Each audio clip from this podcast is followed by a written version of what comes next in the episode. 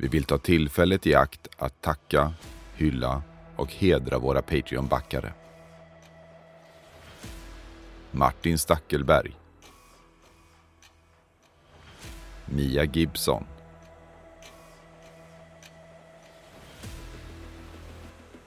Ty Nilsson. Daniel Pettersson. Och Daniel Lantz.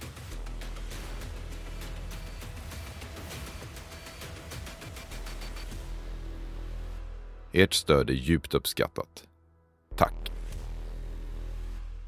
Soloäventyret presenterar Winter Hills volym 1 Urkrafterna.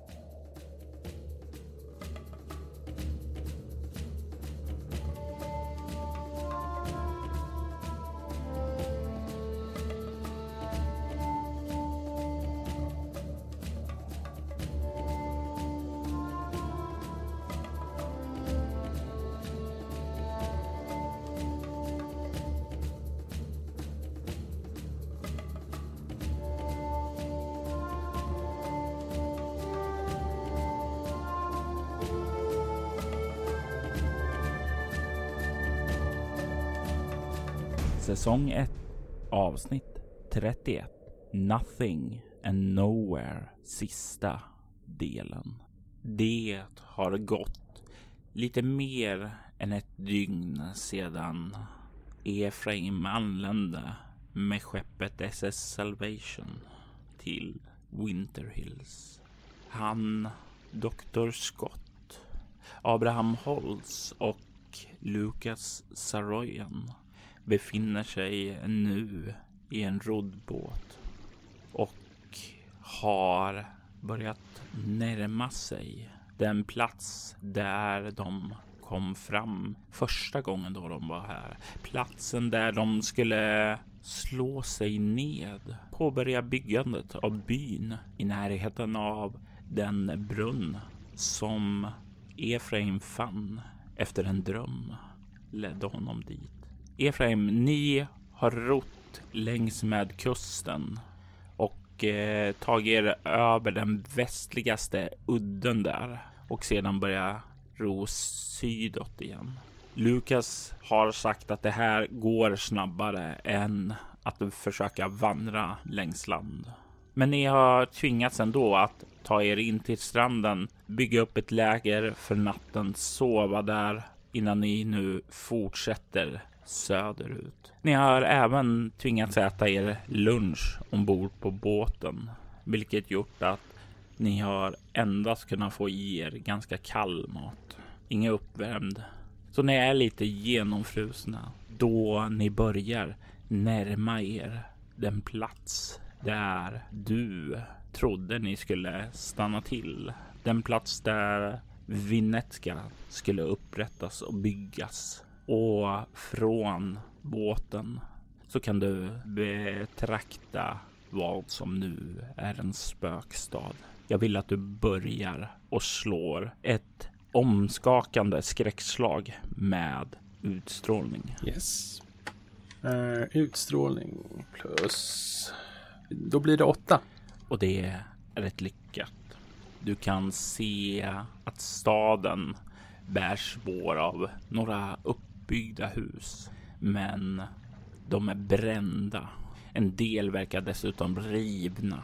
Du kan ana också tre träpålar som körts upp i marken och på dem så kan du se tre människohuvuden spetsade på dem. Jag blir ju lite illa till mods, men eh, jag försöker att eh, inte visa någonting utåt. Utan eh, när jag ser det så, så pekar jag liksom för att, visa, för att visa att jag har observerat huvudena. Du kan se Mr. Saroyan nickar åt det och säger så där såg det inte ut när vi lämnade. Husen var fortfarande uppbyggda.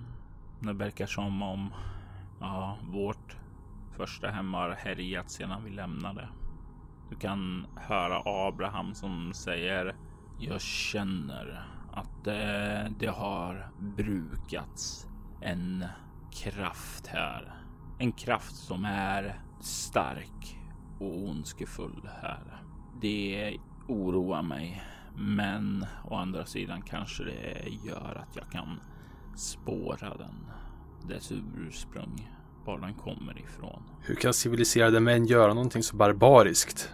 Fräser ur mig och blir nästan lite eh, förbannad att se något sånt vidrigt som, jag, som det jag ser. Efraim har väl levt en ganska skyddad uppväxt. Han har inte sett mycket död och hemskheter. Va? Nej, utan det är som, som du säger väldigt skyddat i New York vid de fina kvarteren. Så det är inte mycket. Ja, det värsta är väl något eh, litet krogslagsmål som han har bevittnat eller så. Men nej, absolut inget som det här. Vad har du i kameleont? Tre. Under eh, den här tiden som eh, båten börjar närma sig så kan du lägga märke till att eh, Dr. Scott verkar lägga märke till nu när ni kommer närmare vad det är ni andra har sett och du kan se att han börjar bli blek i ansiktet. Det framgår att han, precis som du, ja, han har troligtvis sett död, men just den här barbarin som du utbrast, det verkar skrämma honom. Jag, eh, ja, innerst inne så skrämmer det mig också såklart. Men jag tittar lite snabbt hur, hur pass välbeväpnade är vi i den här lilla båten? Lukas är ju en tränad jägare. Han har med sig eh, gevär och eh, även du kan se en rejäl kniv och en yxa. Jag tar ju lite tröst till att eh, vi har en, en sån man med oss ifall det skulle vara otäckheter som väntar. Båten kommer snart så långt in den kan komma och Lukas drar in årorna och hoppar i. Och detsamma gör Abraham och de börjar att dra in båten lite mer. Doktor Scott andas tungt och kollar mot dig. Det är ungefär som man söker din blick för att finna lite tröst där i, lite styrka. Jag möter hans blick och jag försöker ge honom ett eh, lätt leende och, nicka till honom uppmuntrande. Du kan få slå ett lätt slag med utstrålning plus kameleon för att ge honom den här stabiliteten som han söker hos dig. 13. Eh, och han får den. Han får vad han behöver och han andas lite tryggt och du kan se att han verkar lättad. Han han känner att han kan stödja sig mot dig när han behöver. Båten stannar till och eh, eh du kan se hur Lukas tar några steg in och börjar spana över lägret där och säger sedan. Det verkar lugnt. Eh, det verkar inte finnas någon här just nu. Håll er bakom mig medan jag rör mig inåt. Ehm, och du kan se hur Abraham nickar och eh, kollar mot er och säger vill ni att jag vaktar båten och håller mig här eller vill någon av er vakta båten? Och du kan se hur Dr. Scott börjar nästan andas här lite lättat där. Men du är den som hinner säga någonting först. Ja, det låter klokt. Ropa om du skulle se någonting. Han nickar och du kan se hur de börjar röra sig upp på stranden in emot ruinerna av det som skulle vara ert hem. Du och Dr. Scott blir kvar där i båten och du kan se han kolla på dig med en lättad blick. Tack, tack. Det är nog inte så mycket att oroa sig för nu när herr Saroyen säger att de är borta. Men det här är synnerligen ett otrevligt ställe. Inte alls det jag hade förväntat mig att se när vi kom hit.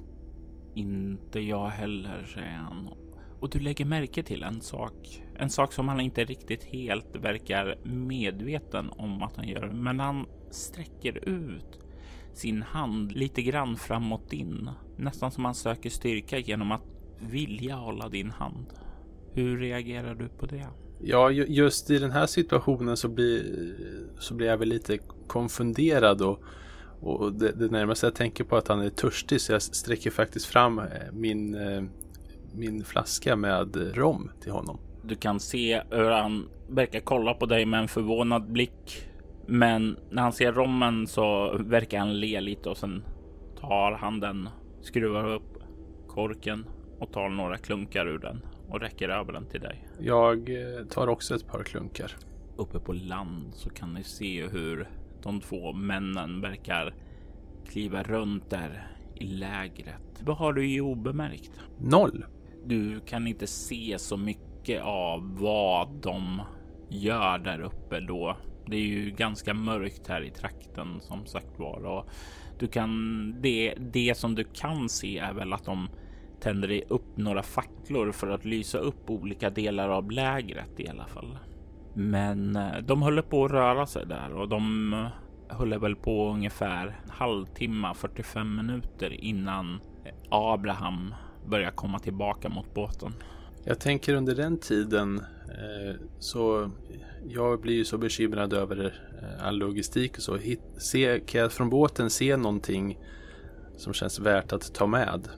Med tanke på att du har noll i obemärkt så skulle jag väl säga att det blir svårt. Du kan förstå kropp plus obemärkt, för det handlar om att se saker och avgöra sedan om de är lämpliga att ha.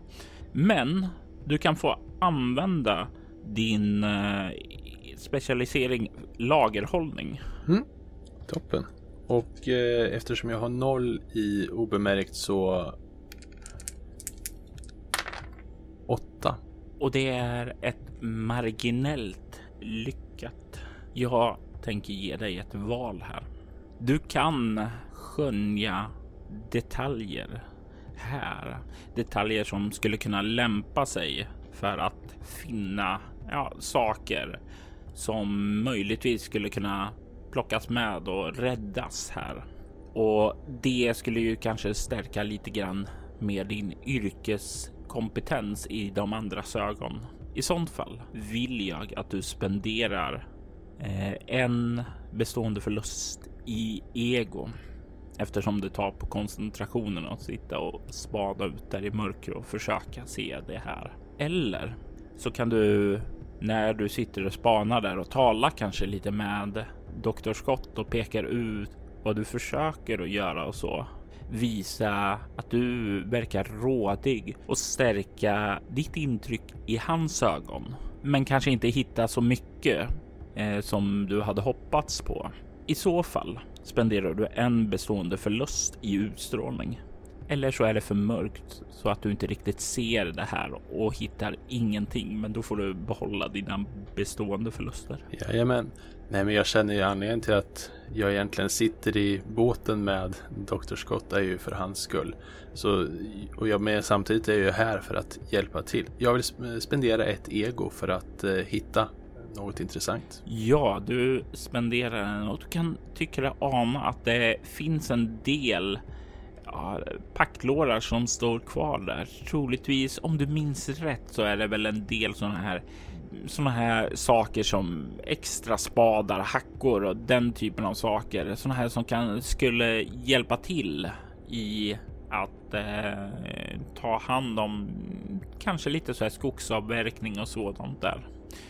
Eh, det skulle nog underlätta levernet borta på det nya lägret. Mm, ja, men jag ser ju det där och sen så eh, Lawrence, vänta här. Jag ska bara, jag ska hämta de där lårarna bara. Det går snabbt. Är, är, är, är, är du säker på att det är en bra idé? Du behöver inte oroa dig. Jag är bara ett stenkast bort, säger jag och ler. Och sen så tar jag mig ur båten. Han ser lite skeptisk ut i ditt uttalande, men han litar på dig. Du kommer ur båten och börjar kliva upp där. Det plaskar lite i vattnet medan du badar upp där och kommer fram till en av lårarna och du kan definitivt se att dina ögon, de har sett rätt. Det är precis vad du hoppades att det skulle vara. Ah, perfekt. Ja, men jag kollar igenom de här och ser vad det kan vara för grejer. Men eh, eftersom jag bedömer att det är vettiga saker att ta med sig så ja, börjar jag lyfta en helt enkelt. Ta tillbaks till båten. Absolut. Du börjar vandra tillbaka. Dina skor är hala och så är stenarna under dig. Jag vill att du tar och slår ett rutinmässigt slag med kropp plus obemärkt för att hinna balansera rätt och inte halka omkull. Usch. Noll. Jag slog en etta. Du känner marken ge vika under dina fötter när du liksom känner hur de far upp i luften. Du får en känsla av déjà vu innan allting svartnar. Du vaknar upp i en säng. Du kan känna hur det känns så varmt och behagligt där du ligger nedbäddad under sängen och du kan höra en röst. En så välbehaglig röst. Han säger ah, du börjar vakna nu. God morgon. Eh, god morgon.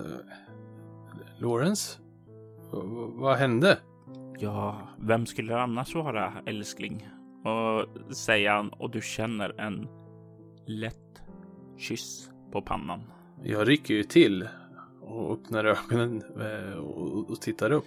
Du kan se att du befinner dig i en liten stuga, en typisk sån här nybyggarstuga.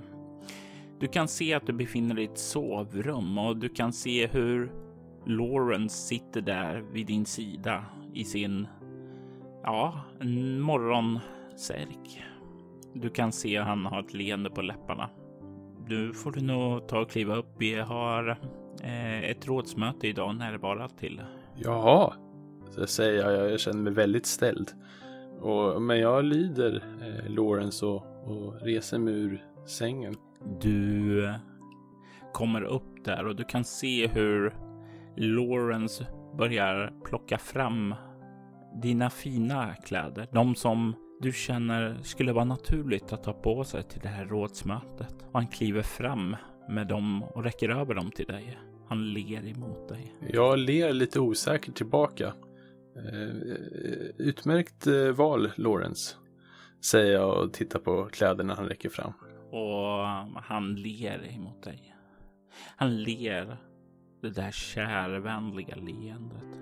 Ett leende som får hjärtat att slå lite snabbare innanför ditt bröst. Jag går ut och ordnar lite frukost så beger vi oss efter vi ätit. Låter det bra? Ja, alldeles strålande. Absolut. Det är liksom ett virvar av känslor som, som far igenom huvudet. På något sätt så, så blir allting, allting så enkelt för eh, Lawrence i den här situationen. Och för mig blir det, jag vet inte, det känns som att jag har missat så mycket. Han lägger sin hand på din kind, ler och säger Jag är så glad att du såg till att övertyga mig om att det här, det var ett äventyr vi båda behövde. Jag känner lite att eh, när jag får höra det här så, så blir jag väldigt glad inombords ändå. Ja, det, det är nog en av de klokare saker jag har gjort och jag är glad att du följde med. Han ler och i nästa ögonblick så känner du hur han omfamnar dig. Och det här känns ju också väldigt ovanligt men samtidigt väldigt bra. Och jag, jag är väl lite seg att reagera men efter en stund så, så omfamnar jag honom också. Och jag känner mig trygg, lugn och lycklig. Och den känslan, den känslan skulle vara så härlig att få hålla fast vid. Att hålla fast vid lika hårt som du gör om Dr. Scotts kropp just nu. Men du slits ur den här tryggheten, den här härliga känslan i nästa ögonblick då du hör Dr. Scotts röst säger Efraim, är du vaken? Efraim och du känner hur någon klappar dig på kinden. Ja, jag står, jag står ju upp. Och sen så öppnar jag ögonen. Och du står ju inte alls upp. Du ligger ju på kustremsan och du kan se hur Dr. Scott sitter hukad över dig och verkar kolla till dig ovanför honom så kan du se både herr Saroyan och herr Holtz blickar som söker sig ner och kollar oroligt på dig uppifrån. Oj, eh, jag måste ha snavat. Eh, ursäkta. Eh, det var klumpigt av mig. Eh, men jag har hittat eh, ett antal lårar med eh, material som vi kan behöva. Ja, eh, hackor och spadar och liknande. Eh, Står bakom hörnet här. Eh, jag var på väg med den här men stenarna var väldigt hala. Du kan se hur Saroyan nickar och säger bra, bra fynd. Det där kan vi behöva definitivt till lägret. Och Holt säger ja, men inte just nu. Jag behöver gå iväg och göra en enkel ritual för att se om vi kan eh, finna spåret efter var Lazarus har tagit vägen.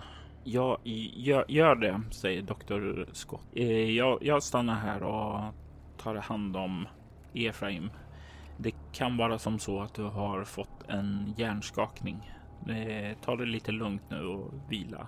Herr Soroyan, du kanske kan hämta lite vatten åt vår vän här. Och herr Soroyan börjar genast kliva iväg för att hämta ett vattenskinn. Nej, nej, mina herrar. Ni behöver inte oroa er för mig. Jag, jag är jag mår bra säger jag fast jag känner att jag har ganska ont i huvudet. Du kan se då när du börjar protestera där att eh, Dr. Scott blir faktiskt lite grann mer auktoritär här. För det här är ett område han känner sig trygg i och tar plats och säger nu, nu tar du det lugnt här. Vi, vi, finns här för dig. Det här är min professionella rekommendation att du tar och vilar lite. Okej? Okay? Ja, jag, uh, ursäkta, jag följer såklart doktorns order, säger jag och ler mot honom. Och då, det är ungefär nu som Saroyan kommer tillbaka med vattenskinnet och räcker fram det till dig. Tack, herr Saroyan. Um, jag funderar. Det här, den här källan. Vore det inte klokt om vi tog lite vatten därifrån som eh, Dr. Scott kan analysera vid tillfälle? Du kan se hur Dr. Scott börjar och avfärda det. Men eh, du kan se hur Saroyan säger det låter som en bra idé. Bra tänkt Efraim. Jag går iväg och hämtar det och kommer tillbaka sedan. Du sitter här och tar det lugnt, lyder vad Dr. Scott säger. Det vore ju hemskt om någonting hände med dig. Det skulle inte din far uppskatta. Jag förstår, herr Sarayan. Och jag känner mig så eh, fruktansvärt hopplös eh, när jag sitter här och blir omhändertagen som ett eh, barn som inte kan ta hand om sig själv. Det var inte så jag hade sett mig själv eh, och, min, och min roll i den här eh, expeditionen hit. Nej, i ditt sinne var det ju någonting betydligt mer heroiskt. Du var bilden av ett storslaget äventyr, en upptäckarlust. Eh, och ända sedan du klev ombord här så har det inte riktigt gått som du hade tänkt. Allt från det där misslyckade första fotot till nu detta. Nästan så jag börjar tvivla. Och särskilt när, när den här platsen som jag hittade och som skulle vara så fantastisk visar sig vara, ja, där vi är helt enkelt. En fruktansvärd plats där mord och grymhet har skett. Du hör inifrån lägret hur Abraham verkar ha börjat mässa någonting, någonting, någon form av ritual. Du kan uppfatta bitar av den eh, eftersom han talar på latin. Men jag tänker mig att du kan förslå ett ego plus okultism ett lätt slag mm. för att få en liten insikt vad det är han verkar göra. Eh, det är inte, eh, jag kan inte använda lingvistik. Mm. Du skulle kunna använda ett lingvistik, men då skulle jag säga att det är snarare ett svårt slag. Ja, men då vill jag prova att göra det, för det känner jag mig lite mer bekväm med. Eller mycket mer ska jag säga. Ja, slå. Nej, 11 att det är lösryckta saker och ting som du snappar upp. Det är någonting om väg, någonting om spår, eh, någonting om en guide, någonting om syn. Alltså, du hör små fraser och sådant som sägs, men inte tillräckligt mycket för att liksom eh, kunna pussla ihop en röd tråd. Kanske är det den här dundrande huvudvärken du har efter fallet. Det är nog det. Men jag, jag tittar på eh, Dr. Scott som ja, tar hand om mig. Jag, eh, jag hann drömma under den här korta stunden. Eh, mycket märklig dröm. Du och jag bodde i, i samma hus, säger jag och eh, ler lite försiktigt. Han ler han också. Det verkar vara som om den tanken inte skrämmer honom, utan det verkar få honom att le också. Ja, det låter ju som en trevlig sak, säger han. Och du kan se att han rodnar lite. Nej, men jag känner att jag har försökt testa vattnet nu lite, men det känns svårt att ta vidare. Jag vågar definitivt inte berätta vad mer exakt jag drömde. Och bara av att ha provat vattnet lite där och inte liksom blivit nedskjuten direkt av av det som någonting, ja men vederstyggligt verkar få dig att må lite bättre. Du får tillbaka en skräcknivå av det. Det tackar jag för. Jag byter ändå abrupt ämne och eh, frågar helt enkelt. Kan du uppfatta vad, vad det är Holtz säger där inne? Nej, han talar någon form av latin, men eh, det verkar vara någon rituell sak. Jag kan inte säga att jag följer det. Det det låter som mycket av de här riterna som jag börjar förstå att några har utövat. Ska jag vara helt ärlig så är det väldigt främmande för mig det här också, även om jag har fått höra allt mer om eh, de här riterna. Då får vi väl se som så att det är tur att vi har varandra som sällskap i alla fall. Absolut, säger jag och jag tittar, eh, tittar ner lite och försöker fokusera blicken. Eh, huvudvärken är kvar men jag känner att jag åtminstone kan se eh, bättre och inte lika jag, jag, känner att jag inte ser dubbelt på samma sätt längre åtminstone. Till slut så kan du höra hur Holtz tystnar och han kliver sedan tillbaka till er där ni sitter nu och eh, du kan se hur han kollar på er och säger eh, var är Saroyan någonstans? Nej, vi har inte sett till honom på ja, sen du började. Eh, han gick för att eh, hämta lite vatten från brunnen. Men det borde ju inte tagit så lång tid, säger jag när jag funderar en sekund. Du kan få slå ett lätt slag med ego plus överlevnad. Eh, eh åtta åtta. Du är inte helt säker eh, eftersom det är svårt att komma ihåg saker och ting med den här dundrande huvudvärken. Men eh, ja, det är inte helt omöjligt att det skulle ta en tid. Så lång tid har inte Abrahams rid pågått, eh, så det är fullt möjligt att det, det, det är fortfarande inom rimlighetens gräns att han inte är tillbaka. Ja, men då Behöver inte oroa mig i onödan. Hur har riten gått, herr Holtz? Den har varit lyckosam. Jag har ett spår. Och jag vet vad vi bör bege oss för att ta reda på vad som har drivit Lazarus galen. Vi bör be oss söderut. Vänta en liten stund nu, herr Holtz. Eh, har Lazarus blivit galen? Han nickar. Det finns någon typ av gammal magi här som genomsyrar trakten.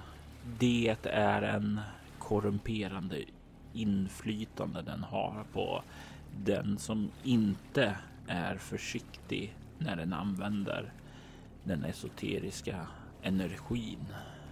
Jag gissar på att Lazarus högmod kan ha fått honom att inte vara tillräckligt noga i sina skyddsriter. Den här, det här lägret. Jag känner den korrupta energin som har frigjorts här. Och jag kan se det bakomliggande hantverket och känna igen det som Lazarus. Eller en förvrängning av Lazarus hantverk i alla fall. Det låter ju alldeles fruktansvärt att, att han skulle kunna göra något sånt här. Men borde inte herr Soroyan ha sett honom om han var här? Och, eller... När du använder de esoteriska energierna så behöver du inte nödvändigtvis vara på platsen. Det räcker med att förhäxa en källa eller släppa in ett frö i byn om natten. Korruptionen är så stark här nu att jag inte kan avgöra var det började någonstans. Men den här platsen, den är besudlad. Så pass besudlad att jag tror det inte går att rädda den. Jag tror det är bäst att göra som så att plocka med utrustningen härifrån och sen bara glömma den här platsen. Jag förstår, herr Holtz. Men eh, den här kan väl inte sprida sig till den nya platsen? Nej, det är tvivelaktigt, men jag kommer att sätta upp eh, skydd omkring den här platsen utifall att. Men det kräver mer förberedelser än vi har tid med nu. Det är inget omedelbart hot, men det är någonting att göra inför framtiden. Jag förstår. Eh, Herr Holtz, jag är redo att eh, göra det som behövs göras. Eh, jag har återhämtat mig, säger jag och tittar på Dr. Scott. Du kan se att Dr. Scott ser lite tveksam ut, men han ser den bestämda blick som du har. Och han verkar nicka då. Ungefär som okej. Okay. Han reser sig upp och verkar ge sin hand åt dig för att hjälpa dig upp. Jag tar emot den och eh, försöker resa mig så smidigt som möjligt. Att det är ju lite vingligt det här när man är lite yr i huvudet och har suttit stilla och reser sig upp. Men det är inte på något sätt katastrofalt för dig att resa dig upp. Du kan höra fotsteg komma norrifrån, bortifrån den här lilla stigen som ledde bort till källan.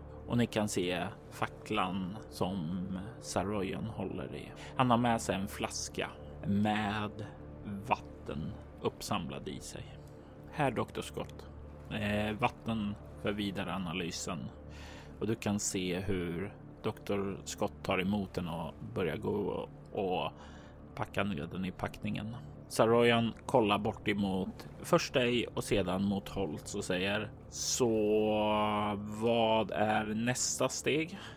Ja, jag föreslår att vi beger oss söderut. Eh, jag skulle säga att idealt så skulle jag vilja ta ekan, men jag är inte säker på att jag kan följa spåren då, utan vi borde ta och vandra till land. Det är okej okay med mig. Eh, orkar du det? Eh, Herr Martin, eller ska jag skicka tillbaka dig och Dr. Scott till eh, byn? Självklart eh, orkar jag promenera, herr Sorayan. Det kan göra mig gott efter ett eh, sånt fall. Mm, ni behöver inte oroa er för mig. Jag klarar mig. Han kollar lite tveksam på dig. Hur känns det att han oroar sig så för dig? Det känns ju, alltså det slår ju mot min heder, det gör det ju. Som sagt, jag vill inte känna mig som någon oduglig medlem. Utan jag vill visa vad jag kan och jag vill faktiskt bidra.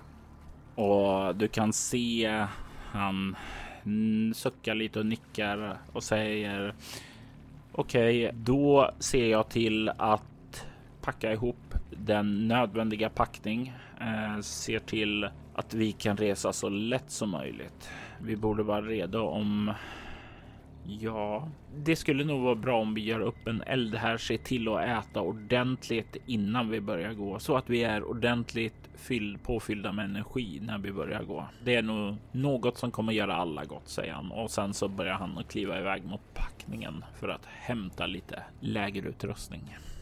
Strålande. Jag samlar virke säger jag och eh, försöker visa mig vara riktigt hurtig och pigg. Och det blir ju som så att Dr. Scott följer med dig officiellt för att givetvis hålla koll på dig så att ingenting händer. Men du får en känsla också att det finns ett annat skäl. Att han trivs i ditt sällskap. Att han gillar att spendera tid med dig. Ja, det har verkligen, eh, han har verkligen förändrats sen den här första gången vi for hit. Till det bättre skulle jag säga. Tiden och känslor är två faktorer som har en tendens att kunna påverka oss alla. Ni gör upp ett litet läger och ser till att få i er mat och därefter så ser Saroyan till att börja packa och ni börjar sedan er vandring söderut. Och jag tänker att ni kan ta och få slå ett kropp plus överlevnad. Det här är ett slag som avgör inte om ni lyckas att vandra utan hur mycket det tär på er. Och det är ett lätt slag som ni ska komma upp i. alltså jag är verkligen inte gjort för det här. Herregud. Jag får fyra. Det är ett misslyckande. Den här strapatsen kommer att tära på dig, även om ni vilar och sådant över natten innan ni fortsätter nästa dag. Jag kommer ge dig två bestående förluster och du kan sprida ut dem. Ja, tekniskt sett inte på kropp eftersom du har ett i kropp skulle innebära att du är medvetslös, men över ego och utstrålning. Jag känner att eh, det går på min utstrålning. Jag eh, försöker verkligen knipa ihop men det här eh, får ju också konsekvenser på, på mitt humör och hur jag, hur jag uppfattas av de andra kanske börjar bli lite snäsig och eh, nästan ociviliserad. Ja, du sätter båda där då. Ja. Det är en lång färd. Ni har vandrat längs med kusten och du har lagt märke till under den här två dagarna när jag vandrar, eller rättare sagt en och en halv dagarna, att eh, Abraham verkar följa ett spår ett spår som varken du eller herr Saroyan kan se. Är det någonting som du har frågat honom om vad han följer eller sådant under den här färden? Eller har ditt snäsiga humör helt skurit av dig från sociala konversationer? Nej, jag skulle säga att jag, den här vetskapen att veta exakt vad vi följer ger mig väl lite motivation, så det har jag väl frågat. Han har då lett lite mot dig och sagt vi följer den energi som Lazarus har använt. Vi följer det spår av den korruption som han har ingjutits i. Jag kan se det som ett lysande skimmer som leder söderut. Verkar som om det börjar leda upp emot berget också, så jag gissar på att vi kommer få ta anstränga oss lite när vi kommer dit. Springa upp i berg var definitivt inte någonting som jag hade förväntat mig att göra. Och du kan ju höra att hans röst är lite ansträngd. Han är inte heller den som är van och går. Han kanske inte har ett i kropp, men han har definitivt inte mer än två. Jag förstår säger jag och eh, förstår inte alls egentligen. Eh, det han säger är ju rent mumbo jumbo i mina öron. Eh, jag har ju på något vis accepterat att det här är verkligt men eh, min förståelse kring det, det är ju i stort sett noll. Och dessutom när jag får höra att vi ska upp och, och klättra i berg, det förbättrar ju knappast mitt redan ganska usla humör. Så jag försöker knipa ihop. Det blir ett läger som slås upp på kvällen och ni befinner er i eh, kanten av eh, bergen som är känd som Winter Hills. De uråldriga mörka bergstopparna avtecknar sig i himlen. Det ser stort ut och det är allt annat än en eh, trevlig miljö som väntar er där uppe. Det verkar inte finnas särskilt mycket liv heller, utan det är karga, döda stentoppar som finns där uppe. Det kyliga regnet börjar smattra omkring er. Det är kallt och obehagligt här. Allt annat än gästvänligt. Våren här är inte särskilt trevlig. Hur fördriver du kvällen innan ni glider in i sömnen? Gör du någonting särskilt för att försöka återhämta dig? Jag är ju egentligen helt utpumpad. Jag har varken ork eller lust att varken prata med någon eller försöka ja, men hitta på någonting. Det jag gör är att jag äter och lägger mig så tidigt som möjligt helt enkelt. Mm. Och lustigt nog så får du faktiskt sova hela natten. Det är ingen som bemödar sig med att väcka dig för att be dig hålla vakt. Du kan återfå en bestående förlust i utstrålning. Mm. Och jag känner ju det när jag vaknar nästa morgon att ja, eh, det kanske inte är så jättehemskt att leva ändå. Allting ser oftast lite bättre ut när man fått lite vila och värme i sin kropp. Regnet har slutat falla. Ni packar ihop lägret efter frukosten och börjar ta er längs en gammal stig. Jag vill att du slår ett lätt slag med ego överlevnad. Åtta slår jag. Åtta. Mm. Ni börjar följa den här stigen och den leder ju uppåt i bergen. Det är en ganska bred stig och du får en känsla av att det här, det här känns som en gammal djurstig. Men det är någonting med det här som känns fel. Alltså, den är för stor. Som om djuren vore gigantiska. Alltså, du har ju i mer civiliserade trakter liksom läst om expeditioner till Afrika och sådant och du har ju hört talas om elefanter och liknande.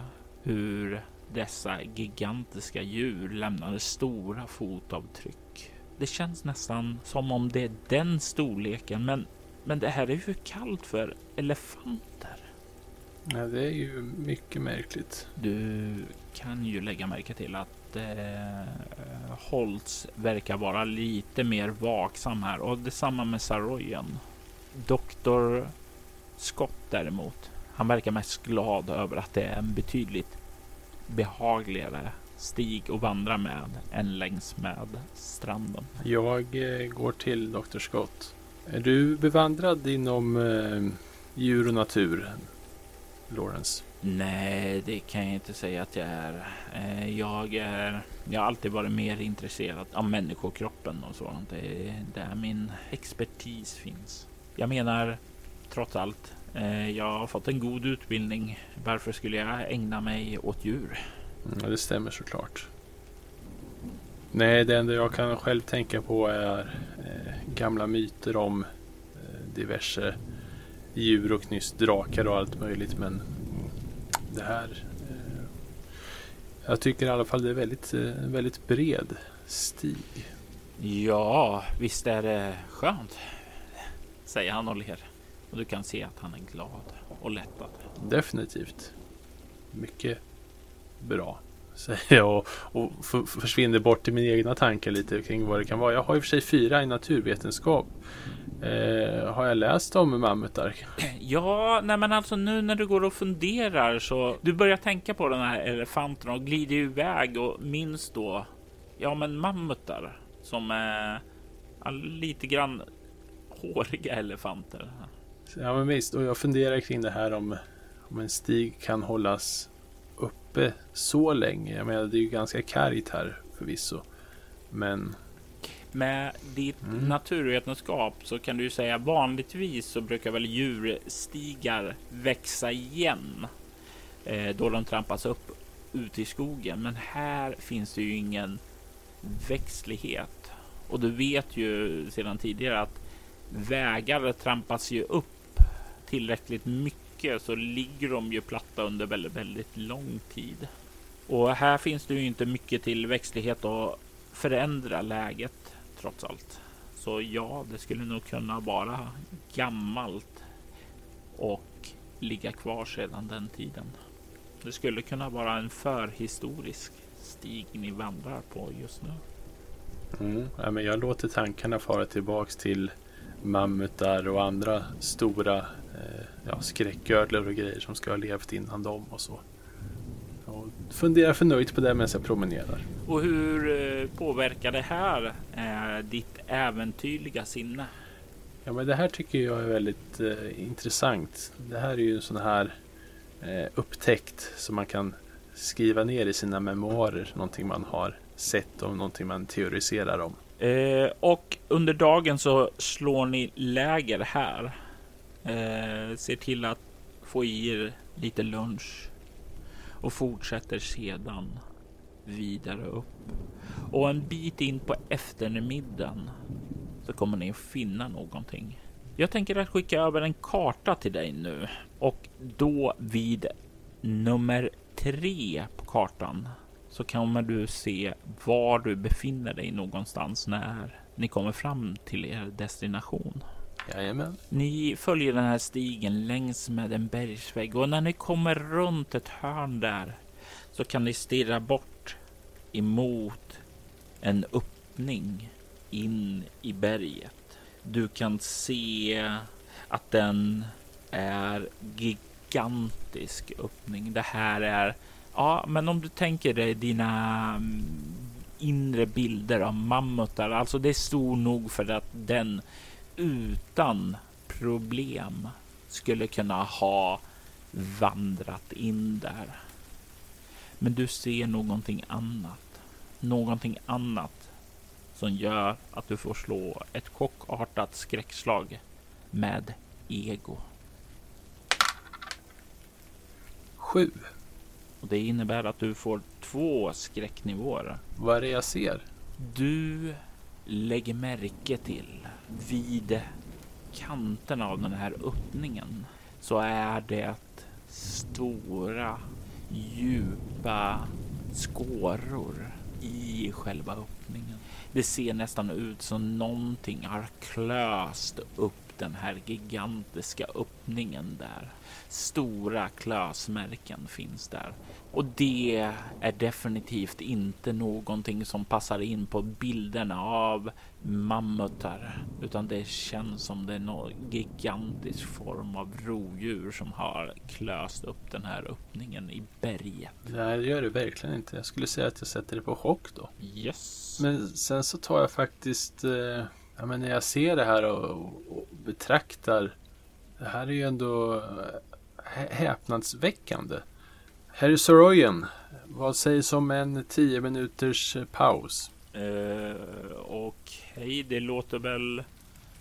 Och du kan se han tystnar lite och kollar mot Holtz och Holtz nickar och det får eh, Saroyan att kolla tillbaka mot dig och säger det blir bra. Och du kan se hur han kliver lite framför där och verkar ta fram en kikare där för att spana bort däremot i det väldigt, väldigt dåliga ljusskenet. Vad säger ni andra om den här platsen? Jag har funderat kring vad det kan ha varit för djur och liknande som har rört sig här. Jag tänkte kring eh, mammutar, men eh, ja, men titta, det här, det här kan ju absolut inte vara en mammut. Saroyan, du som är jägare, du eh, borde väl kunna komma på någonting. Ja, jag tänkte ju definitivt samma sak. Eh, Mammutar eh, borde ju inte en eh, helt orimlig sak att finna här i trakten. Jag menar storleken här skulle kunna och det är ungefär där som Abraham avbryter och säger det är inte några djur som har färdats här. Det här är en plats. En plats som jag känner en stark primal energi ifrån. Det är en väldigt kraftig källa av esoterisk energi där inifrån och min gissning är att vad vi har vandrat längs med är bestar, en form av demoner som har härjat här. Demoner? Du kan se hur Abraham kollar på dig med en väldigt, väldigt allvarlig blick och nickar och säger ja, det råder ingen som helst tvivel nu. Det är en demonisk energi som har korrumperat Lazarus. Det blir väldigt mycket att smälta det här, herr eh, Holtz. Eh, vi pratar om demoner och, och jag tystnar lite och blir liksom Jag känner den här alltså skräcken börjar byggas upp i mig för jag, på något sätt inser jag ju att eh, han, han, pratar ju inte dumheter utan på, det är ju sant det här med största sannolikhet och jag känner att jag inte vill gå vidare. Du känner en hand som lägger sig på din axel. En hand som försöker ge dig styrka och mod.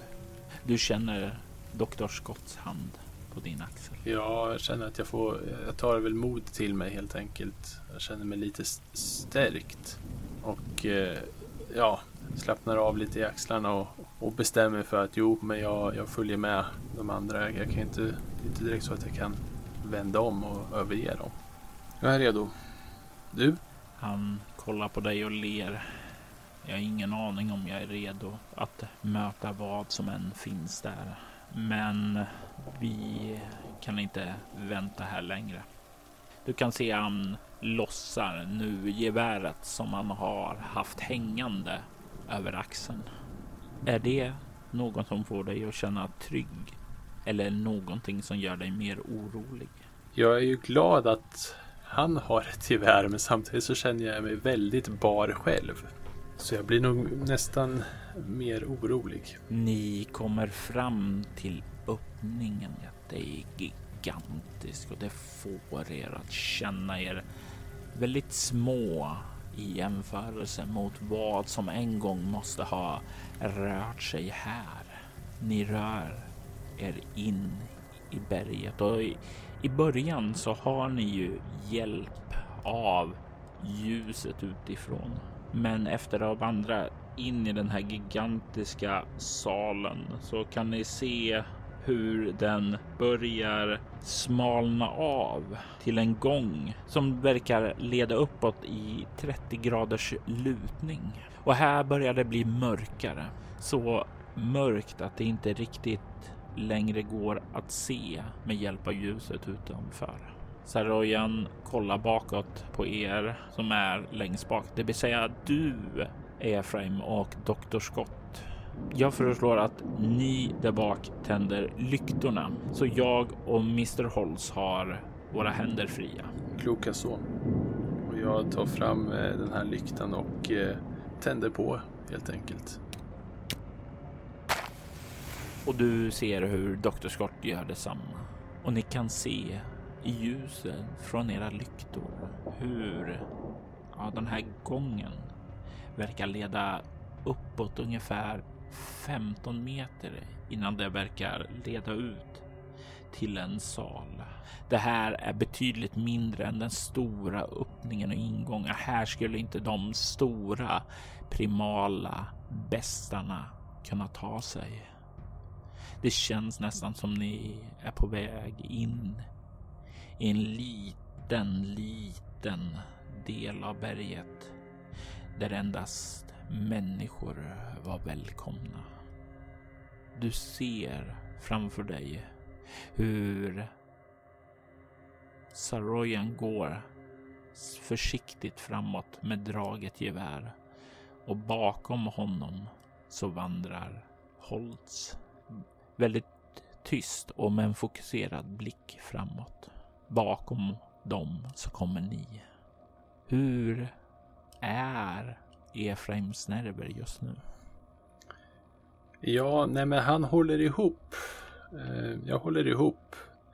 Men samtidigt så tittar jag mig bakåt eh, ganska ofta och känner mig eh, inte trygg här överhuvudtaget. Och vad är det som får dig att inte känna dig trygg? Vad är det för faror som du fruktar där framifrån? När herr Holtz talar om demoner så är det ju inte annat än att man blir väldigt rädd bara utav det. Men sen så hela den här eh, hela den här platsen utstrålar ju en väldigt eh, obehaglig känsla. Det är inte mycket här som, som känns som trygghet men Dr. Scott och eh, Harry Soroyans gevär är väl de sakerna som man vill hålla sig nära. Ni kommer snart fram till den här öppningen i salen. Och salen är cirkulär. Tänk dig att den är nästan 20 meter rätt över. Och den ser inte helt naturlig ut. Utan väggarna är släta och runda. Ja, det känns ju väldigt märkligt jag, jag tänker, jag är ju ganska lärd herre. Vet jag om någon form av civilisation eller liknande som har, som har haft liknande eh, byggnationer i sådana här berg i det här området? Du kan ju få slå ett ego plus humaniora. Ett lätt slag. Eh, jag slår 14. Du kan med ganska stor säkerhet säga att den enda egentliga civilisationen som du har hört talas om som skulle kunna röra sig här uppe är inuiterna. Men ingen av dem har uppvisat någon form av avancerad kultur som skulle kunna skapa något sånt här. Det finns ingen kultur som du känner skulle passa in här. Däremot så känner du någon form av primal uråldrig närvaro här inne. Det stinker av kaos, mörker och den starkes rätt här. Det får håren att resa sig på dina armar. I mitten av rummet så kan du se ett altare och framför altaret så kan du se en litet vattenhål där det liksom bubblar en naturlig källa. Längst in i det här rummet så kan du se två alkover, vagt humanoidformade. Jag går fram till det här bubblande vattnet och, tittar på det. Du kan se hur du följs åt av Holtz samtidigt som Saroyan ställer sig och börjar kolla utåt för att täcka era ryggar när han har skannat av att det här inte verkar finnas någon annan utgång. Doktor Scott börjar vandra bort emot alkoverna. Du ser ner i det bubblande vattnet. Du kan se att det är som en naturlig källa. Lite grann. Ja, den, det ser ut att vara jag tänkte en sån här varmvattenkälla. För det ryker lite när de här bubblorna och sådant kommer upp ovanför ytan och det, det varma vattnet möter den kalla luften. Den här källan kanske är en och en halv meter. Jag fortsätter titta mig omkring och börjar gå mot de här eh, mänskligt formade alkoverna. Och liksom för att bryta den här påträngande tystnaden så säger jag det uppenbara. Det här är definitivt inte en inuitbosättning. Nej, det stämmer, säger Holtz. Detta är en plats av ondska. Du kan få slå ett slag här. Ett slag som är kropp plus obemärkt. Yes. Två. Och det är inte ett fummel utan bara ett misslyckande. Och det här, det är någonting som ditt sköra sinne är glad över att du misslyckas med. Du ser ing ingenting som sticker ut där i den här vattenkällan där. Du kan se hur Holtz verkar börja sig ned, sätta sig på huk och börja studera det här altaret samtidigt som du börjar gå bort emot alkoverna där Dr. Scott står och verkar studera mönstren som har bildats i alkoverna. Mönstren efter humanoida former. Jag eh, tittar på honom och nickar mot alkoverna. Eh, märkligt ställe att ha en sån här alkov. Ja, och den här alkoven säger han och pekar den på den alkov som är längst åt vänster. Den känns... Den känns gammal medan den här säger han och pekar åt den högra. Den känns mycket, mycket nyare. Du kan se om du kollar här att slitningen, ja det är nästan som om den är nygjord. Medan om du kollar här så verkar den... Tidens tand har nött ner den. Ja, det stämmer. Vem skulle ha gjort en, en ny alkov här? Och, men i huvudet så, så, så, finns det ju bara ett, ett namn som jag kan tänka på. Det är ju Lazarus Price, men jag vill inte säga det. För att hur skulle han, vad skulle han ha för verktyg att göra en, en alkov här i sten med? Ja, han hade ju inte särskilt mycket med sig när han försvann. Det var ju han och jägarna som bara skulle iväg på en expedition. Men å andra sidan, det var ju rätt mycket utrustning som lämnades nere i det första lägret ni slog upp. Han skulle kunna ha återvänt för att hämta saker där. Det är sant. Märkligt oavsett. Eh, ja, men jag går vidare och, och kikar på det här altaret. Vad har du medicin? Det var en bra fråga. Jag har ett i medicin. Okej, då lägger du inte märke till någonting med alkohol. Utan du vandrar bort till altaret. Och när du kommer fram dit och ser det från andra hållet, från det håll som är på andra sidan tvärs emot den här källan, så kan du se att det, finns blod som har runnit ned från toppen ned vid sidan och ned på golvet. Är det färskt? Det är inte uråldrigt, men det är precis lagom gammalt för att kunna tillhöra de jägare som försvann med Lazarus. Jag känner att jag ryser till lite. Jag vill egentligen inte tänka tanken att, att, att någon kan ha dött så nyligen här. Men jag, jag fortsätter eh, beskåda altaret. Finns det några eh, alltså, symboler eller liknande? När du studerar det här så nej, kanske inte symboler. Men du kan se spår av blod här som finns utdragna över altaret. Som om blod har spillts och sedan har man kört ned sina något för långa naglar som liksom dragit blodet utåt i liknande klösmärken.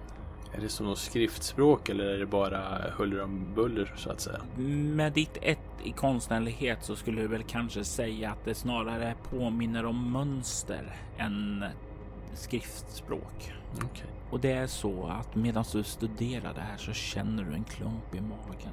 En obehaglig klump.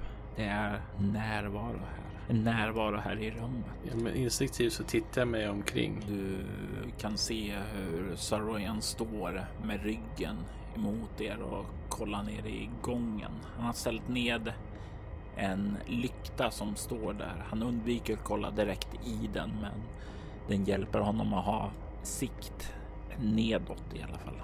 Borta vid alkoverna så kan du se hur doktor Scott står och verkar studera honom närmare. Du kan se att han börjar föra in sin hand i en av de här alkoverna för att känna lite närmare där. Samtidigt som herr Holst lägger handen på altaret och sluter sina ögon för att verka känna av något. Men om du ser någon närvaro däremot, det får vi se om du slår ett ego plus stridsvan. Ett lätt slag. Ja, och stridsvanan höjde jag ju efter den här, de här rabalderna vid eh, hamnen. Så då har jag ett i nu. Ja. Nio. Du kommer att lägga märke till någonting sekunden för sent för att kunna ingripa. För att kunna varna de andra. För att kunna reagera innan den hinner reagera på dig. Om du inte tar en bestående förlust för att hinna reagera på hotet som är på väg att uppenbara sig. Jag tar gärna en bestående förlust. Jag är på helspänn och, och vill verkligen inte bli överrumplad av någonting. I vilken egenskap tar du det? Jag kan ta det i... Jag vet... Nu ska vi se. Vad känns logiskt? Utstrålning skulle det kunna vara för att simulera um, din känsla av att eh, din viljestyrka, det är liksom, den går så mycket åt för att hinna reagera på det här. Att det liksom känner att det tar lite grann på din energi, att du blir Ja, det börjar känna den här inåtvändheten börjar komma ut. Är det för mycket där? Ego skulle kunna vara om du känner hur den här huvudvärken, den dundrande, det är en känsla av eh, den här hjärnskakningen du kanske fick tidigare liksom gör sig påmind nu när du reagerar snabbt och rycker till kanske när det här hotet uppenbarar sig. Ja, men vi kör på ego. Du hinner se hur någonting är på väg att komma upp. Någonting är på väg upp ur källan och du får den här halvsekunden att reagera, skrika ut någonting, göra någonting. Vad är det du gör i den här korta ögonblicket? Herr Holtz, brunnen! Du kan se han svänger om och liksom nästan ramlar bakåt där när han försöker ta sig bort där. Och upp ur vattnet så far en man som du känner igen. En man som du var med dig hit första gången. Du kan se att Lazarus Price far upp i luften. Du kan se att han stannar upp ungefär två meter ovanför källan och du kan se hur han inte liknar den välklädda man som han en gång var. Du kan se att hans byxor finns kvar, men de är trasor nu. Du kan se hur de är blöta och skitiga. Och hans bröst, hans kropp, hans överkropp är naken och där så kan du se att han har rivmärken.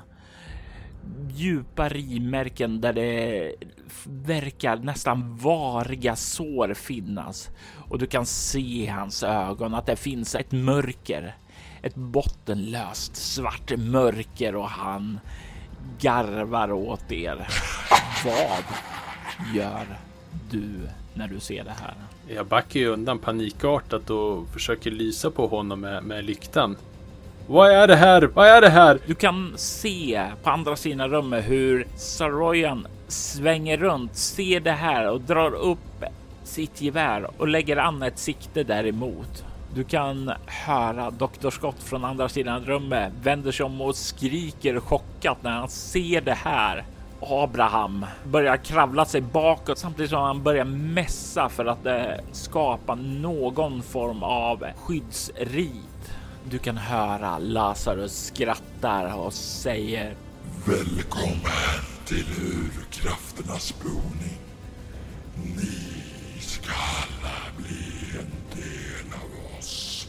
Och det är inte Lazarus röst som kommer ur hans strupe. Vad är det för tanke som går igenom ditt sinne när du hör den här omänskliga, demoniska rösten? Eh, ja, eh, den river ju liksom i mitt sinne och eh, jag blir ju verkligen skiträdd. Jag tittar ju bak e- efter porten. Jag, min instinkt säger till mig att spring, fly.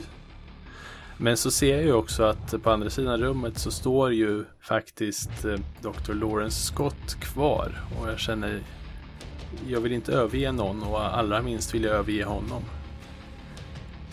Så vad gör du när du känner att du inte vill överge honom? Ja, eh, jag tittar mig runt i rummet. Finns det något tillhygge eller någonting jag kan kasta mot, vad heter det, den här så kallade Lazarus Price. Det finns ju lite stenar här och där på golvet. Och sedan så finns ju er packning eh, nedsatt vid ingången också. Vid ingången där Saroyan står. Just det. Ja men, eh, ja, ja, men jag rusar mot packningen allt vad jag kan. Jag vill att du slår en tärning. Jämnt för att eh, du eh, råkar ta och gräva i Saroyans packning eller ojämnt för någon annans packning. Ja. Jag slår udda. Vad är det du letar efter i packningen? Någonting tungt, någonting eller någonting vasst. Du kan se att det hänger utanför någon rejäl flaska där, tung med vätskan som fortfarande finns där i. Du kan även se att det hänger en kniv på eh, en av ryggsäckarna också. Eh, jag vill gärna försöka rycka åt med båda. Du gör det och, och det blir din sista handling att du får upp de här båda sakerna. Ja, Du hör ljudet av ett gevärsskott som bränner av ifrån Saroyans och det sker väl ungefär samtidigt som du rusar eh, dit och kastar den ned för att få upp det här ur packningen. Så du ser inte riktigt vad som händer där bakom dig. Du kan höra hur Dr. Scott skriker och samtidigt som eh, Holts röst börjar mässa högre och mer säkert där inne. ja nej, men jag försöker verkligen slita fram den här kniven och, och sätter den i, i, lägger den i en ficka och få, få upp den här, det här kärlet.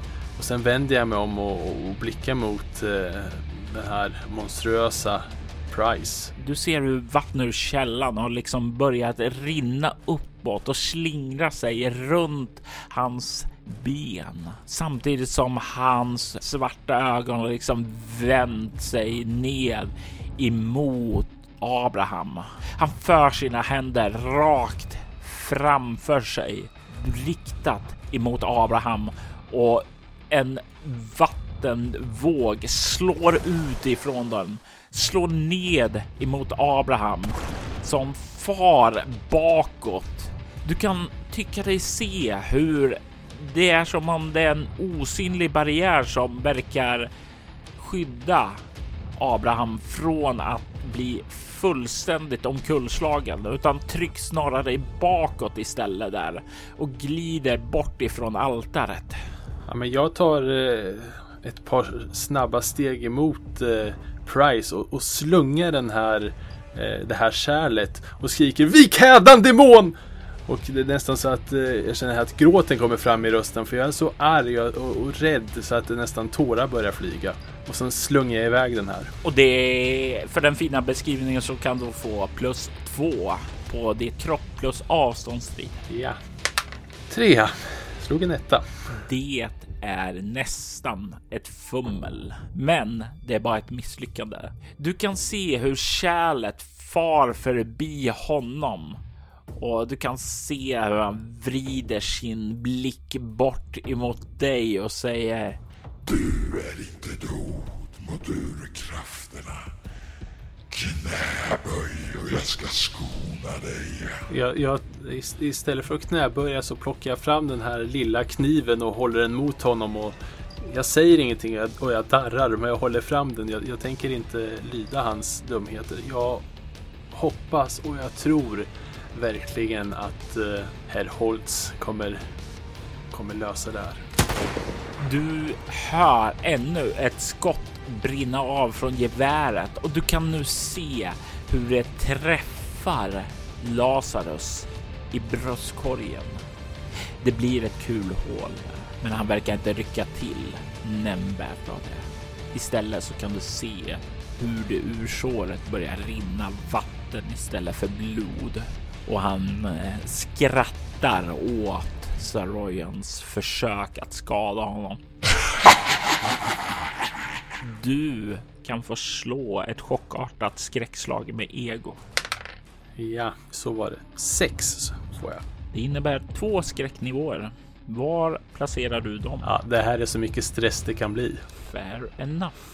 Du anar i bakgrunden hur Dr. Scott står där med vidöppna ögon, nästan paralyserad på stället där han står och vet inte riktigt vad han ska göra. Du kan eh, se hur Lazarus fokuserar sin blick och verkar överväga mot vem han ska rikta sin nästa attack.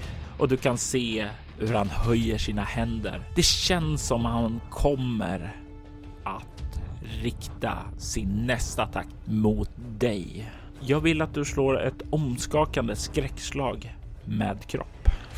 Ja. Och jag får sju. Och det är nog.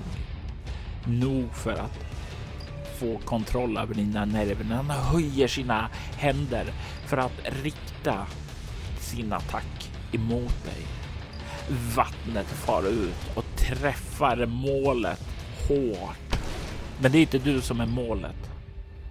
Det är Saroyan som far bakåt och tumlar ned för gången bort från den här salen. Bortifrån håll så verkar mässandet eskalera. Det börjar sakta nå sitt klammer. så det går framåt, men det verkar allt för sakta för din personliga smak. Verkligen.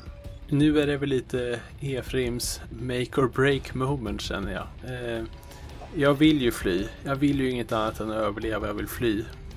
Samtidigt så, så känner jag att kanske enda sättet att överleva det här, kanske enda sättet för både mig och de andra att överleva är om jag faktiskt, om jag anfaller. Och när jag ser liksom hur, hur Saroyan spolas bort och jag ser att hans eh, fokus är på just honom för en sekund så springer jag fram med kniven i högsta hugg och försöker hugga honom. Ja, du kan få plus tre på ditt kropp. Närstrid. Ja, tack. Äh, sex. Du kommer fram, fram till honom och hugger honom. Din kniv. Och det är ju en miss tyvärr. Han är ju en bit upp i luften där han svävar, så jag, jag vill att du beskriver hur attacken går till och hur den missar honom. Ja, men jag springer fram och jag hugger ju mot hans ben. Eh, men han, han får ju bara upp och jag når ju inte honom. Jag står där och tittar patetiskt på honom och viftar min jättefåniga lilla kniv. Och jag känner ju i, i, just då att jag har gjort ett fruktansvärt misstag. Och han kollar ner på dig och säger Må så vara. och i nästa ögonblick så ser du hur han dyker ned i luften mot dig och jag vill att du slår ett motståndsslag med kropp närstrid för att undvika att han ska lyckas ta tag i dig och dra dig ned i vattenhålet. Ett lyckat slag för honom innebär att han får tag i dig, men om han får ett perfekt slag så innebär det att han får ner dig i vattenhålet. Han slår en tvåa, vilket innebär att han kommer upp i 13. Du ska komma upp i fyra eller mer på kropp plus närstrid. Ja, jag ska bara kolla en kort sekund om jag har någonting som kan rädda mig. För det här känns ju väldigt, väldigt svårt att överleva. Det är inte direkt så att jag kan kasta pengar på det här problemet. Ja, men jag har ju övermodig. Jag får använda två tärningar när jag gör någonting eh, livsfarligt eh, en gång per scen. Jag får 10. Och det gör ju att han far ner och sliter tag i dig. Och planen är ju att han ska dra ner dig i hålet så han liksom svingar ju sin kropp nedåt så den börjar falla ned där. Men han får inte tillräckligt momentum för att dra dig ner utan du kan hålla emot han. Men han är ju halvvägs ned med benen i källan nu och försöker dra dig nedåt där också. Men du håller emot. Och jag vrålar ju rakt ut. Lawrence! Och du kan slå ett utstrålning plus interaktion. Och det är ett lätt slag du ska lyckas med. Och du har faktiskt plus två på slaget för du har etablerat en väldigt, väldigt stark relation med Lawrence. Jag slår 15. Ditt skrik är ju nog för att han ska slitas ur sin paralysering. Han hör ditt ord som ropar på honom och han inser att du är fara. Han känner sina känslor välla upp och han vet att han måste rädda dig. Han måste hjälpa dig. Han måste skydda dig. Hans känslor för dig är starka, även om de inte är helt uttalade. Så rusar han framåt där för att hjälpa dig. Och jag vill att du slår ett lätt slag med kropp obemärkt för att hinna reagera härnäst. Mm, nu har jag inget mer att ta hjälp av. Nej, jag slog en etta. Det är ett misslyckande. Och en etta innebär väl att du kommer på noll då? Ja, jag har ett i kropp och jag har noll i färdigheten.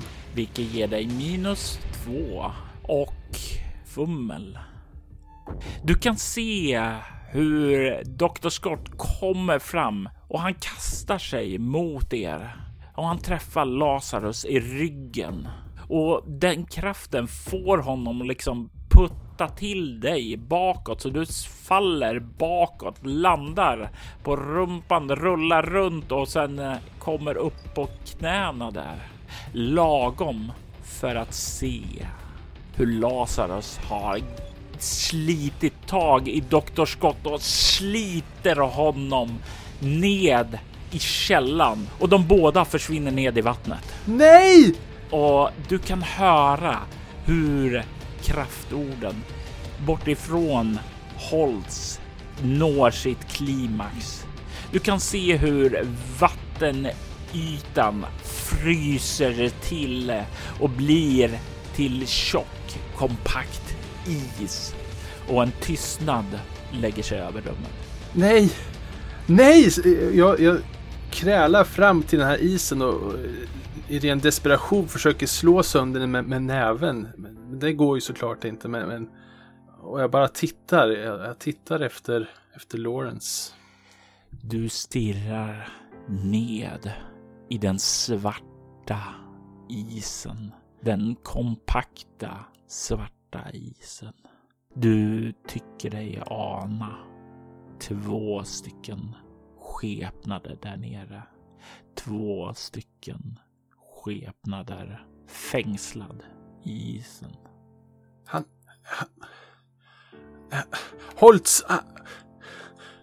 Du kan höra fotsteg komma springande uppför gången igen samtidigt som Holtz ganska matt verkar andas ut och resa sig upp från sin position längre bort. Alla de här murarna eh, som, som jag har eh, för att inte visa, visa mina känslor, de eh, briserar och jag sitter där ovanför det här hålet och, och gråter. Och jag gråter så det låter och, och, och bara stirrar ner.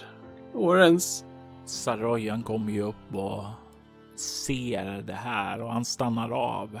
Han kan inte se något hot längre och han blickar bort emot Holt som har kommit upp på fötter och börjar sakta röra sig dit. Han inser att hotet är stoppat, men att det var ett tungt pris som betalades. Holtz kommer fram till dig där du sitter på knän och lägger handen på din axel. Jag beklagar. Och jag, det är liksom först att det här handen på axel associerar ju väldigt mycket vid eh, det som Lawrence brukar göra. Och första jag tänker är att, det, att det är han. Sen, sen vänder jag mig om och ser vem det är. Och, och han kan ju se mitt eh, ansikte. Jag är ju helt röd i ansiktet av all gråt. Och jag rycker mig bort. På sätt och vis är det ju som, som att det är han som delaktig i att Lawrence dog. Men samtidigt vet jag att han var tvungen. Men jag är helt eh, utom mig. Jag vet inte vad jag ska säga. Jag bara Lawrence. Lawrence. Och fortsätter titta ner i den här, eh, det här frusna hålet. Han tar några kliv undan från dig för att ge dig det utrymme du behöver. Så många känslor som fanns där under ytan. Så många känslor som du aldrig tillät dig riktigt att erkänna. Sådana där känslor som inte var okej i samhällets ögon. Din familj och ni andra flydde ju New York för er tro. Kanske skulle den här platsen ha varit mer välkomnande för andra typer av känslor. Kanske hade allting kunnat vara annorlunda om han bara överlevde. Men det är någonting som du aldrig kommer att få chansen till. Du inser det när tårarna rinner ned för dina kinder och du stirrar ned på skepnaderna där nere. Skepnaderna som sakta verkar bli allt svårare att urskilja då isen verkar bli ännu tjockare. Hur länge blir du sittande där? Jag vet inte hur länge. Eh, det kan ha varit sekunder, det kan ha varit timmar, det kan ha varit veckor. Eh, jag är fast i det här och jag känner att allt jag trodde att jag var på väg hit till Alaska för att upptäcka alltså äventyr, ära, berömmelse. Det är helt värdelöst. För nu inser jag vad som var viktigt och att det är förlorat nu. Så jag sitter med den här tomheten fram till att någon väcker upp mig ur, ur de här tankarna. Jag tror det blir Saroyan som efter eh, ja, ett tag, en timma kanske, liksom kommer fram till dig och ganska försiktig verkar mer eller mindre försöka lyfta upp dig och liksom leda dig bort. Han säger inte så mycket utan försöker bara få med dig bort härifrån. Jag, eh, första, första reaktionen är väl att streta emot men jag, jag, jag låter honom föra bort mig. Jag säger ingenting utan jag går eh, med huvudet vikt ner mot marken. Ser bara mina fötter som rör sig framåt. Holz, Saroyan och Martin vandrar ut ifrån urkrafternas boning. Den plats där de fängslade Lazarus Price, en av urkrafternas två inkarnater. Ondskan är stoppad, åtminstone för tillfället. Men Holtz vet att det inte är en permanent lösning. Att det krävs mer för att stoppa det här hotet som uppenbarat sig. Urkrafterna.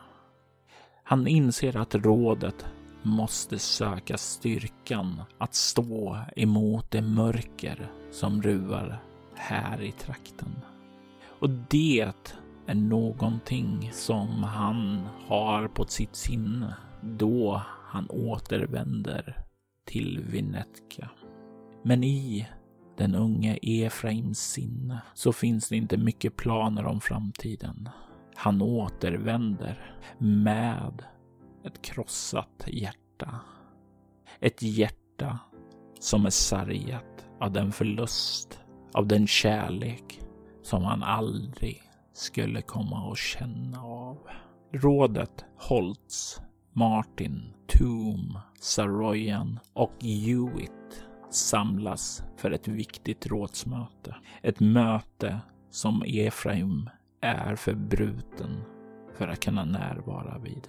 Men de fem familjerna börjar smida planer. Planer för att förhoppningsvis kunna skydda trakten från det mörker som ruvar här. De måste finna ett sätt att skydda sitt nya hem.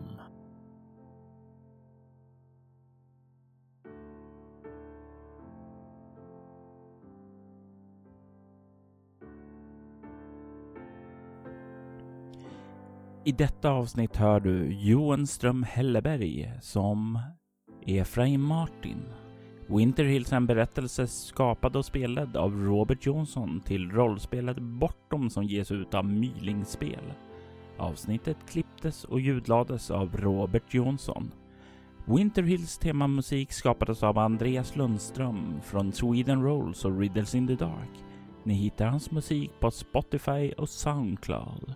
Övrig musik gjordes av Adrian von Ziegler, Creation 4, Hampus Naselius, Paleo Wolf samt kollaborationen Shadow of Forgotten Legends av Alfax One, Proto U och Ona Sander. Alfax One, Creation 4, Paleo Wolf, Proto U och Ona Sander gavs ut av bolaget Cryo Chamber som är känd för sin fantastiskt stämningsfulla ambienta musik som passar perfekt till dina spelmöten och rekommenderas varmt. Soloäventyret är en actual play podcast där vi spelar rollspelen där vi spelar rollspelen Bortom och Leviathan. Ni kan komma i kontakt med oss via mail på info.bortom.nu. Det går även att följa oss på Instagram och Twitter som @spelabortom, på Facebook samt på bortom.nu. Känn er även fri att spana in vår spin-off-podd Altors vidder. Där spelar vi det klassiska rollspelet Drakar och Demoner i världen Altor. Ni är välkomna att lämna recensioner om podden på både Facebook och era poddappar. Det uppskattas djupt av oss och kan leda till extra belöningar för er. Vill du stödja Roberts fortsatta kreativa skapande kan du göra det på patreon.com Robert Jonsson. De som backar får tillgång till material i form av extra poddar och statusuppdateringar. Mitt namn är Robert Jonsson och det har varit mitt stora nöje att ha er och lyssnande på den första säsongen av Winter Hills. Winter Hills kommer nu att ta en liten semester men återkommer nästa december med en ny julkalender och en ny säsong. Där kommer vi få följa tvillingarna Shanks fortsatta äventyr. Men vi kommer även bekanta oss med nya personer då. Vi kommer få följa med borgmästare Rebecca Storm och hennes vedermödor då företagen i trakten börjar gnissla mot lokalbefolkningen. Vi kommer även få följa den unga Nicholas Saroyan, en tonåring som lever ett ganska normalt liv. Han har dock sysslor att göra. Förutom att veta om det så är det han som är mannen utan öde. Och så förstås kommer vi även att bilda en djupare bekantskap med radioprataren Kate Robinson.